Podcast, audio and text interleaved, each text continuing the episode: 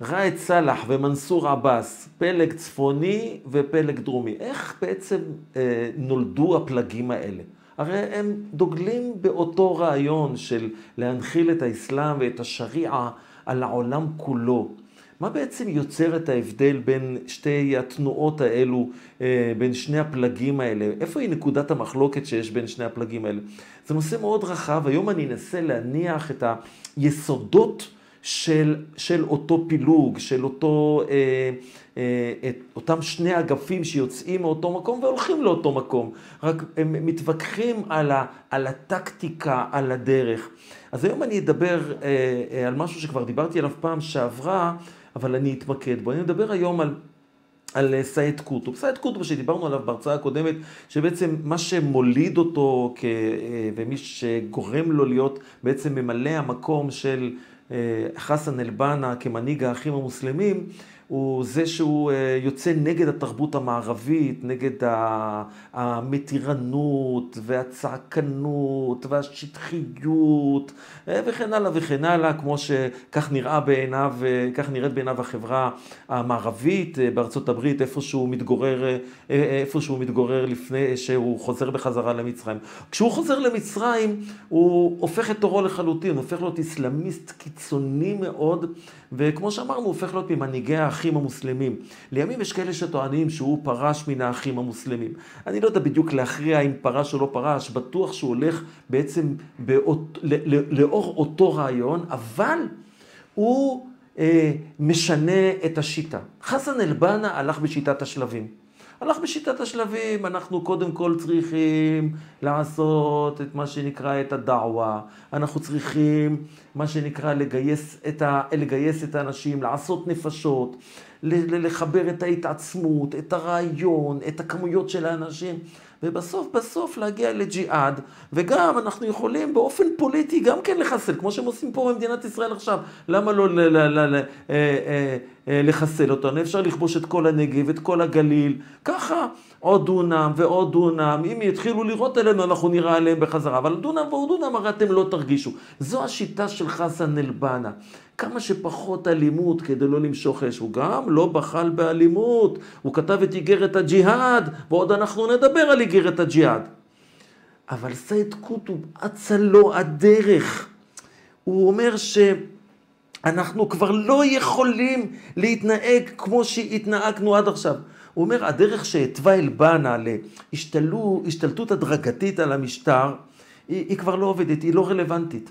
יש לנו כוח שמדכא אותנו, הוא מתייחס כמובן לשלטון של, של מהפכת הקצינים שהייתה ב-1952, של גמל עבדול נאצר, שבעצם הוא היה, אה, הוא היה מצרי חילוני, פן ערביסט, הוא ראה בלאום, באומה הערבית כערך, לא לקח את האסלאמיות כערך, הוא היה מה שנקרא היום אפילו סוג של פרוגרסיבי מבחינה מסוימת. הם תפסו אותו כאויב. הוא אומר, עכשיו, קוטב אומר, צריך לש... לדלג על שלב הביניים. עוברים לג'יהאד. ג'יהאד כנגד מי? לא כנגד היהודים הציונים, גם להם יבוא הזמן. כנגד המשטרים הכופרים. אני רוצה להקריא לכם דברים שהוא אומר. אומר, מן הדין לשוב ולקיים את האומה הזאת, איזו אומה? אומה אסלאמית, כדי שהאסלאם יוכל למלא שוב את התפקיד שיועד לו בהנהגת האנושות. אתם הוא מרגיש שהוא נמצא בשליחות. כן? מן הדין להחיות, כמו שאומרים, לסלק את מצבורי המשטרים שאין להם כל קשר לאסלאם ולגישה האסלאמית. יכול להיות שהם ערבים, יכול להיות שהם נולדו למוסלמים, אבל אין להם קשר. גם אם ממשיכים לטעון שהם קיימים במסגרת מה שמכונה העולם האסלאמי.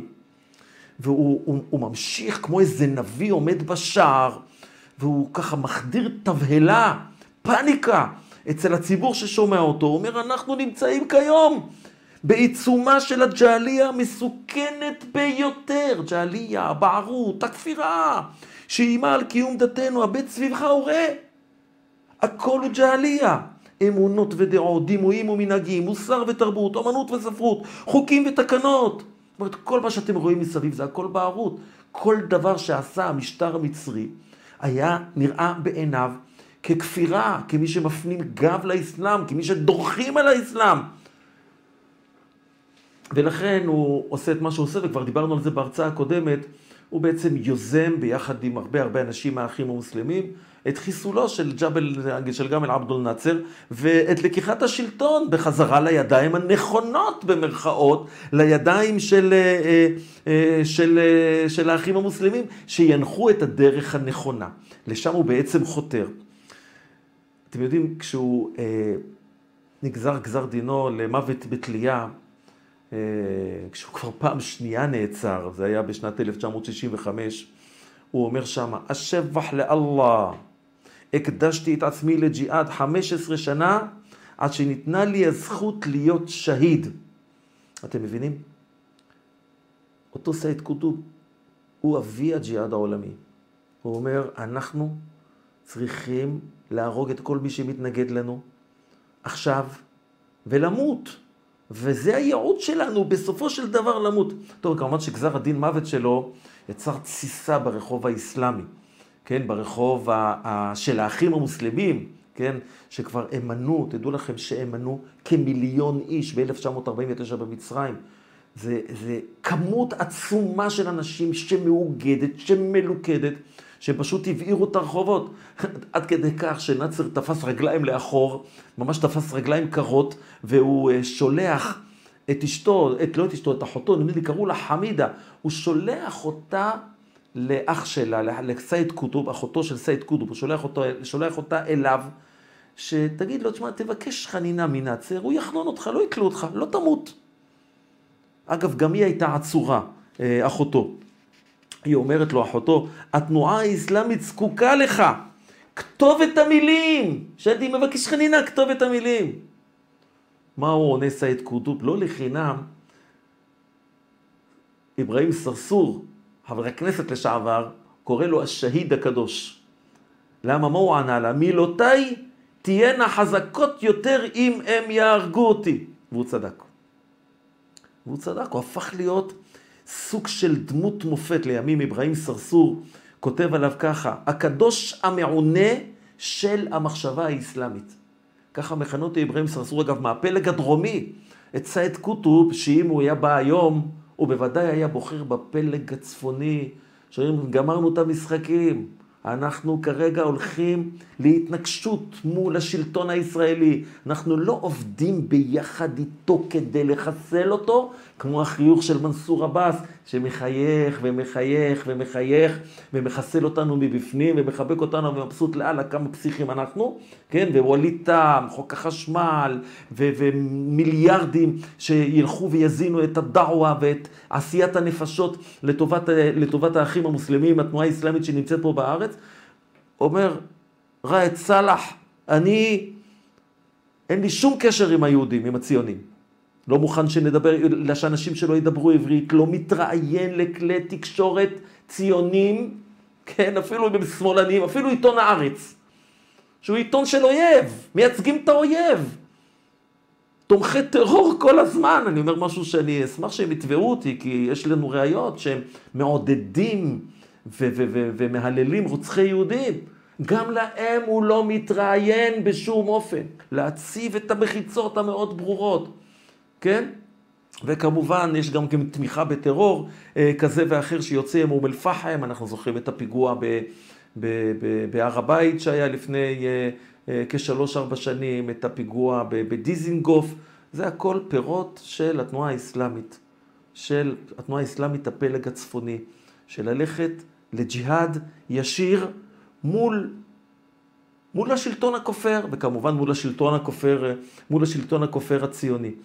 ואילו מנסור עבאס עדיין נמצא בשיטה הזאת של חסן אל-בנה, של שיטת השלבים, של הסבלנות. מי יותר מסוכן? לדעתי, מנסור עבאס הרבה הרבה הרבה יותר מסוכן. דיברתי על, ה, על ההתנגשות של האחים המוסלמים במצרים מול המשטר. זה לא היה המקום היחיד שהאחים המוסלמים נאבקו במשטר. עוד דוגמה מאוד מובהקת זה בסוריה. צריך להבין, בסוריה עד היום השלטון הוא שלטון של העלווים. העלווים נחשבים מבחינת המוסלמים הסונים כופרים, כן? אה, ובוודאי בוודאי אה, מי שהיה אז חפס אל-אסד, והם מנסים להתנקש בחייו בשנת 1980, הם מנסים להתנקש בחייו האחים המוסלמים בסוריה, אבל חפס אל-אסד לא היה צמחוני. הוא לא חיכה, לא הכניס אותם לכלא, לא כלום. הפוך, הוא שלח את החיילים שלו לכלא, לכלא תדמור, שם היו מאות מהם, ופשוט ירו בהם, ירו באסירים. חיסל שם את האסירים. לאחר מכן, ב-1982, הוא שולח סוללות של תותחים מסביב לעיר חמה, עיר של, אה, שהייתה מזוהה עם האחים המוסלמים, ופשוט מכסה שם למעלה מ-20 אלף איש. מחריב כמעט את כל העיר. מחסל שם את כולם, מלמד אותם איתי אל תתחילו. כמובן אנחנו מכירים אה, את הסיפור של רצח סאדאת, וזה נושא שאנחנו חייבים לעמוד עליו, כי הוא, יש בו לקח עצום. יש הרבה פעמים תחושה שאם נלך לקראתם, אם נסביר פנים, אם נהיה נחמדים, אם נוותר להם, אם נראה להם שגם לאסלאם יש מקום, בוודאי הם יאהבו אותנו ויחיו איתנו בדו-קיום מופלא. אז צריך ללמוד את פרשת סאדאת כדי להבין שמדובר בהרבה, הרבה, דבר הרבה הרבה יותר מסוכן מאשר אשליה. סאדאת עלה אה, לשלטון בעצם אחרי אה, אה, מותו של גמל עבד אל-נאצר שמת פתאום, וכן, זה היה בתחילת שנות ה-70, נדמה לי 1970, 1971, והוא מיד עשה דבר שרצה להראות לאחים המוסלמים שהוא בסדר איתם. הוא שחרר מאות מהם מבתי הכלא. הם היו צריכים לסגוד לו לכאורה. הוא נתן להם להוציא עיתונים, מה שלפני כן לא היה עולה על הדעת. לא היה עולה על הדעת, נאצר מחק אותם לחלוטין. נותן להם להוציא עיתונים, נתן להם התארגנות אה, קהילתית. כדי להראות שהוא נחמד, הוא קרא לעצמו הנשיא המאמין, וגם כל נאום שלו היה אומר בשם אללה, בשם אללה, הרחמן והרחום. תראו איזה דתי אני. אז בטח אתם חברים שלי. תהיו ביחד איתי. אז כמו שאמרתי, זה לא, אילו, הכרת הטוב, זה לא בתוכנית העבודה של האחים המוסלמים. הם צריכים למלא את רצונו של אללה וללכת בדרכו של מוחמד. הם רוצים לרצות אותך רק כדי לרמות אותך, לעשות לך תקייה, להוליך אותך שולל ולהשתמש בך כדי לחסל אותך לאחר מכן. זה בדיוק מה שהם עושים לסאדאת. האסירים המשוחררים לא הפכו להיות אוהדים של סאדאת. הם חזרו לשורות כדי לתכנן את הרצח שלו. זה מה שהם עשו. צריך להכניס את זה לראש היטב היטב. העולם המערבי כל כך טיפש, כשהוא לא מבין את היסודות האלה של האסלאם. שכמו שאמרתי קודם, הם לא רוצים לרצות אותך. יש להם מחויבות דתית, אמונית, בוערת. ולשם הם חותרים. כן? ואז בשנות ה-70 הם הקימו איזה שלושה ארגונים, אה, אה, ארגון אחד נקרא א-תחפיר ואל-איג'רה או אל-איג'רה, כן, זו הייתה תנועה שעבדה בעיקר בקרב סטודנטים. הם לדוגמה חטפו ורצחו את שר ההקדשים המצרי. למה בדיוק הם רצחו אותו? למה הם בחרו בו? אני לא יודע. אבל למה לא? למה לא? אה, ארגון אחר שקמה זה ג'מאעת אל-מוסלמין לאל-תחפיר. כן, גם הם, לא מצא חן בעיניהם אה, חלק מהמסגדים במצרים נראו בעיניהם שהם לא פועלים כמו שצריך, בדיוק כמו האחים המוסלמים, אז הם שרפו מסגדים. לא בתי כנסת של יהודים, מסגדים, מאבקים פנימיים בתוכם. אבל הבולט מכולם היה הארגון שנקרא ארגון אל-ג'יהאד, אה, אל-ג'יהאד, אל-ג'יהאד המצרי, הג'יהאד האיסלאמי המצרי, כן, שמי שהנהיג אותו זה אה, מנהיג מאוד מאוד חשוב ומשמעותי בקרב הג'יהאד העולמי שנקרא עבד אל-סלאם פראג', שלימים הוא השתתף ברצח של סאדאת ו... ויוציאו אותו להורג, והוא זה שגדל בערוגות של סייד קוטוב. הוא אחד מפרי גידוליו. הוא כתב ספר שנקרא, מניפיסט כזה, מניפסט כזה, שנקרא אה, המצווה המוזנחת. המצווה המוזנחת, מה המשמעות? זה הג'יהאד נגד מוסלמים. נגד כופרים מוסלמים. הוא אומר ככה, שליטיהם הנוכחים של המוסלמים הם כופרים, ואת הכופר יש להרוג. אתם שומעים? מה שאומר עבדל אל-סלאם פראג' על סאדאת, זה מה שחושב מנסור עבאס על איימן עודה, זה מה שחושב אברהים סרסור על סמי שחאדה. הם יכלו לשבת איתו, אבל רק כדי לצבור כוח, כדי לחסל אותו כי הוא כופר. קומוניזם? זה הדבר הכי שנוי על האחים המוסלמים. הדבר הכי מתועב בעיניהם, כן? אז באותו ספר שהוא כותב, אל פרידה, אל גבה, מצווה המוזנחת, הוא אומר, כמו שאמרתי קודם, שליטיהם הנוכחים של המוסלמים הם כופרים ואת הכופר יש להרוג. שדה הקרב הראשון של הג'יהאד, שימו לב, שדה הקרב הראשון של הג'יהאד הוא המרד נגד משטריהם הנוכחיים של חסרי האמונה, וייסוד סדר איסלאמי לחלוטין במקומם. זאת אומרת, אם אנחנו רוצים להשתלט על העולם, אנחנו קודם כל צריכים להשתלט על מדינות ערב, על מדינות האסלאם, ולהפוך אותם למשטר אסלאמי, ומשם אנחנו נפרוץ לכל העולם כולו. אז כמו שאמרנו, פראג' לא הסתפק בדיבורים, הוא גם כן יזם בסופו של דבר את הפעולה, מבחינתם המאוד מאוד מוצלחת של רצח של סאדאת באירוע של, אגב, אירוע שהיה מין אירוע של ניצחון עלינו, אירוע, זה אירוע של, ה, של אוקטובר 1973, אה, של מה שאנחנו קוראים מלחמת יום הכיפורים, זה היה מצעד ניצחון אה, לזכר אותו ניצחון עלינו, כן? באותו אירוע הם מוציאים אותו להורג את... את, אה, את סאדאת, שהיה מיטיבם, שהלך לקראתם, ששחרר אותם מהכלא. בעצם לימד אותנו שאותה אשליה שהסלחנות כלפי אותן אה, תנועות ג'יהאדיסטיות יביא לאיזו התמתנות, אם ניתן להם 53 מיליארד, או 100 מיליארד, או 3,000 מיליארד, או ניתן להם את כל הגליל, או את כל הנגב, זה יגרום להם להתמתנות. זה, זה, זה נקבר, זה נקבר ביחד עם סאדאת. שם כבר כל העולם כולו היה צריך להבין עם מי יש לנו עסק, כן? מי שבא אחריו, מובארק כבר לא היה פראייר, כיסח להם את הצורה, כיסח אותם. זה נתן לו 30 שנה של שקט, בנה את הצבא היטב היטב, נקי מכל הסיגים האלה, אבל מצרים זו ארץ שיש בה המון המון השפעה למוסלמים. ולכן באביב הערבי קרה מה שקרה, אבל הם תיקנו את זה מיד. מורסי עלה לרגע, זה נושא לפרשה, אה, להזדמנות, אה, להזדמנות אחרת. ועכשיו רק אני אכין להרצאה הבאה ונסיים. הרצח של סאדאת הביא אותם להבין שבארצות ערב הרגילות הם כבר לא יוכלו לפעול. ולכן מכאן והלאה זירת הפעילות עוברת לאפגניסטן. שם נולדת אל-קאעידה. ועל סיפור אל-קאעידה אני צריך לספר בהרצאות הבאות.